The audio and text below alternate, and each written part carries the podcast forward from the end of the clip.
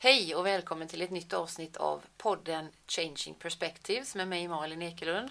Och mig Stanley Ekelund. Idag ska vi prata om eh, målsättningar och framförallt meningsfulla mål. Det är ju så att eh, snart är mars över. Ja, och vi har kommit en bra bit in i 2017 och eh, då är det dags att se har vi kommit igång med det som vi egentligen tänkte inför 2017?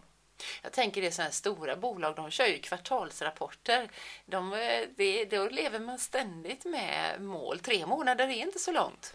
Nej, och det går jättefort, men har man väl kommit tre månader så går det väldigt fort att eh, sen är året slut om man inte börjar ta tag i sin situation idag. Ja, nu kan man ju inte längre säga att man är i början av året och man kan liksom inte luta sig tillbaka och tänka att ja, jag har jättelång tid på mig att få igenom mina mål. Så hur ser det ut där hemma på organisationen, hemma på jobbet? Har ni lyckats att genomföra era mål och framförallt har medarbetarna lyckats genomföra sina mål? Kan man ju undra. Ja, och det är så att om man tittar lite på vad man undersöker när medarbetarna har förståelse för målen i företagen så är det faktiskt merparten som inte förstår målen som finns i organisationen och kan jobba efter dem. Och det är väl lite grann det vi försöker ringa in idag med dagens podd. Att vad är meningsfulla mål? Meningsfulla mål skiljer ju sig oerhört mycket beroende på om det är VDn som tänker kring målsättningar för organisationen eller om det är en ekonomiassistent eller en eh, HR-medarbetare så tror jag att meningsfullheten i olika målsättningar skiljer sig oerhört mycket. Ja, och att meningsfulla mål sporrar alla till att prestera på topp. Jag vill faktiskt citera en person som heter Alexander Holmberg. Han är chefsutbildare och coach och skapar någonting som han kallar för Arrow-modellen. Det är en modell för just att ta fram meningsfulla mål. Och han säger så här. Visst är många chefer vana att sätta mål, men ofta glömmer vi tyvärr det viktigaste. Att fundera på om våra medarbetare verkligen vill nå målen. Om de lockas av dem. Om målen känns meningsfulla för dem. För om man inte vill nå ett mål, hur mycket kommer man då kämpa för att lyckas? Nej, och då kanske det behöver också vara att man behöver vara delaktig i att skapa de här gemensamma målen. Ja, jag tror inte att man kan unna sig längre att inte ha med medarbetarna i målstyrningsprocessen, i att sätta upp och skapa mål. Därför att människor, alltså man, människor kan så mycket idag. Man ingår på något sätt, man lever som jag brukar säga, lokalglobalt. Alltså man har hela världens kunskap väldigt nära sig. Man har väldigt duktiga nätverk och man är, man är van att vara en tydlig tyckare och tänkare och kunskapsbärande människa.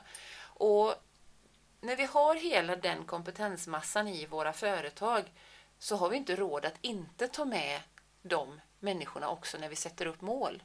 Och då tänker jag också att när man är med och sätter upp mål, redan där har man ju kommit en bra bit på vägen när det gäller meningsfullheten.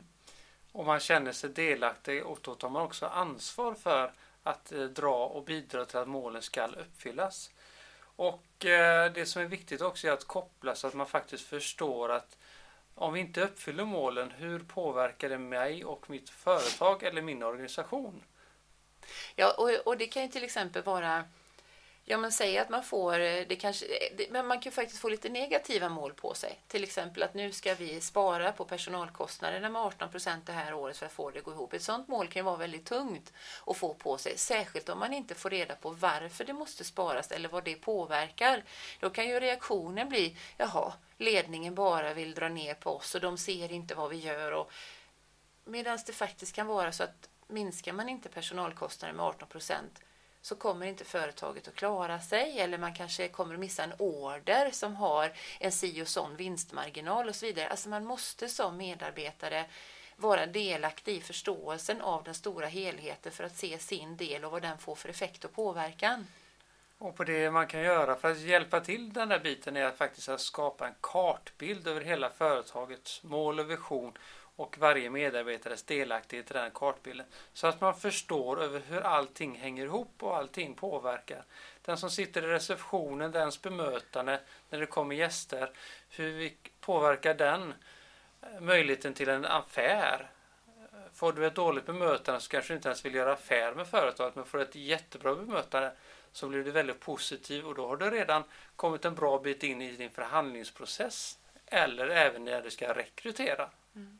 Jag tror att man som chef och ledare måste vara oerhört noga med att ofta prata om målen. Att ofta, kanske månatligen eller ändå oftare än så. Dagligen upp, skulle jag vilja Dagligen påstå. till och med, ja. Att man tar upp organisationens stora övergripande mål och checkar av eller också kanske berätta, för i en stor organisation så är det svårt för alla medarbetare att veta hur man ligger till och då är det ju faktiskt chefens uppgift att så att säga sila ner information och berätta att vi ligger till så här och så här och så här.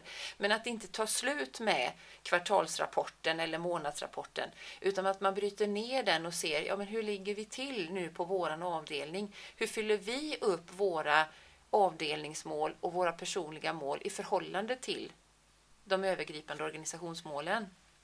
Och då ser man ju snart om du har en brist också på om det inte händer eller inte har förståelse. För du kanske inte har gett medarbetarna rätt verktyg, rätt rutiner, rätt instruktioner för att de faktiskt ska kunna vara med och bidra för att uppfylla sin del av kakan. Mm. Sen tänker jag på en annan sak av det här med, med, mål också. Jag vet att du kommer komma in lite på målbilder här senare. Men jag tänker också på skillnaden mellan vision och mål. Eh, det finns ju en tydlig definition av att mål är nåbara. Det pratas ju mycket om smarta mål, att de ska vara både mätbara och nåbara och så vidare och så vidare. Men det finns ju den här härliga visionen också, dit man strävar, dit man kanske inte riktigt tror att man kommer att nå, men det skulle vara härligt utifall att om.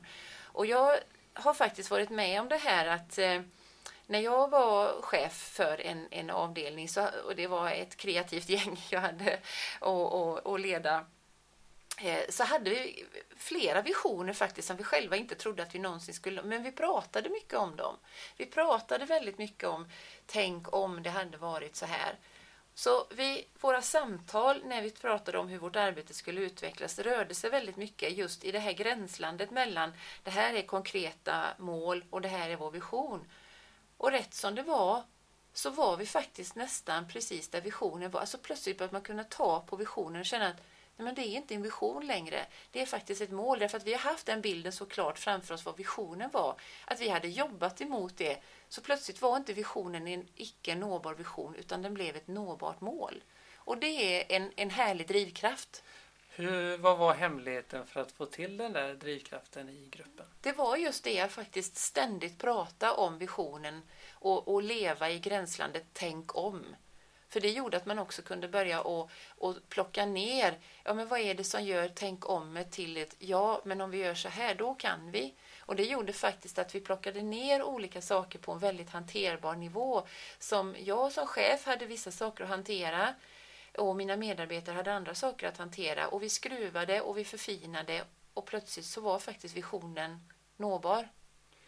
Fantastiskt. Mm. Det som känns är ju att eh, medarbetarna måste få en tydlig mål själva, sina egna personliga mål. För ofta så stannar det vid företagens mål, kanske avdelningens mål och du får aldrig den här personliga målen att vad kan jag göra för att bidra? För att de flesta vill ju bidra med det de kan men de vet inte hur de ska kunna bidra. Och jag vet ju, du pratar mycket om det här med hur ska det kännas också när man har nått sina mål. Jag pratade här om det här med att nå visionen, att den blev ett mål. Men, men också för att göra ett mål förståeligt och greppbart och också möjligt att nå så behöver man ju ha en känsla för målet. Ja, för ofta till exempel, jag älskar idrotten som ni, ni som har hört mig förut känner till ju att jag tycker om att ta målen därifrån. Och tänker att du skulle spela, springa ett lopp, ett maratonlopp. Då är det så här, visst du har ett mål att du ska ta dig mål och du kanske har satt upp en tid som är ditt tidsmål. Och sen så stoppar det där men det jag tänker på när jag pratar om är ju målbilden är ju att hur känner du det efter loppet? När du väl har sprungit in i mål och hur känns det? Oh, jag klarade det och jag lyckades faktiskt att prestera bättre än vad jag gjorde. Men alltså se, höra, känna, smaka. Det är för upp den där känslan för det är det som oftast triggar människor och det tänker jag också på om du åker på en resa. Om nu planerar vi ska åka till en solsemester. Så pratar man inte av... Man kan prata om att det finns att det är varmt och man ska ha skönt.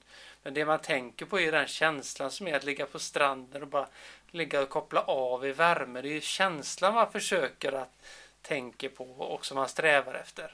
Ja, och då tänker jag ett, att ett organisationsmål till exempel, för det har jag hört otaliga organisationsmål som är så här, eh, vi ska bli ledande inom, eller vi ska vara det självklara valet inom och så vidare.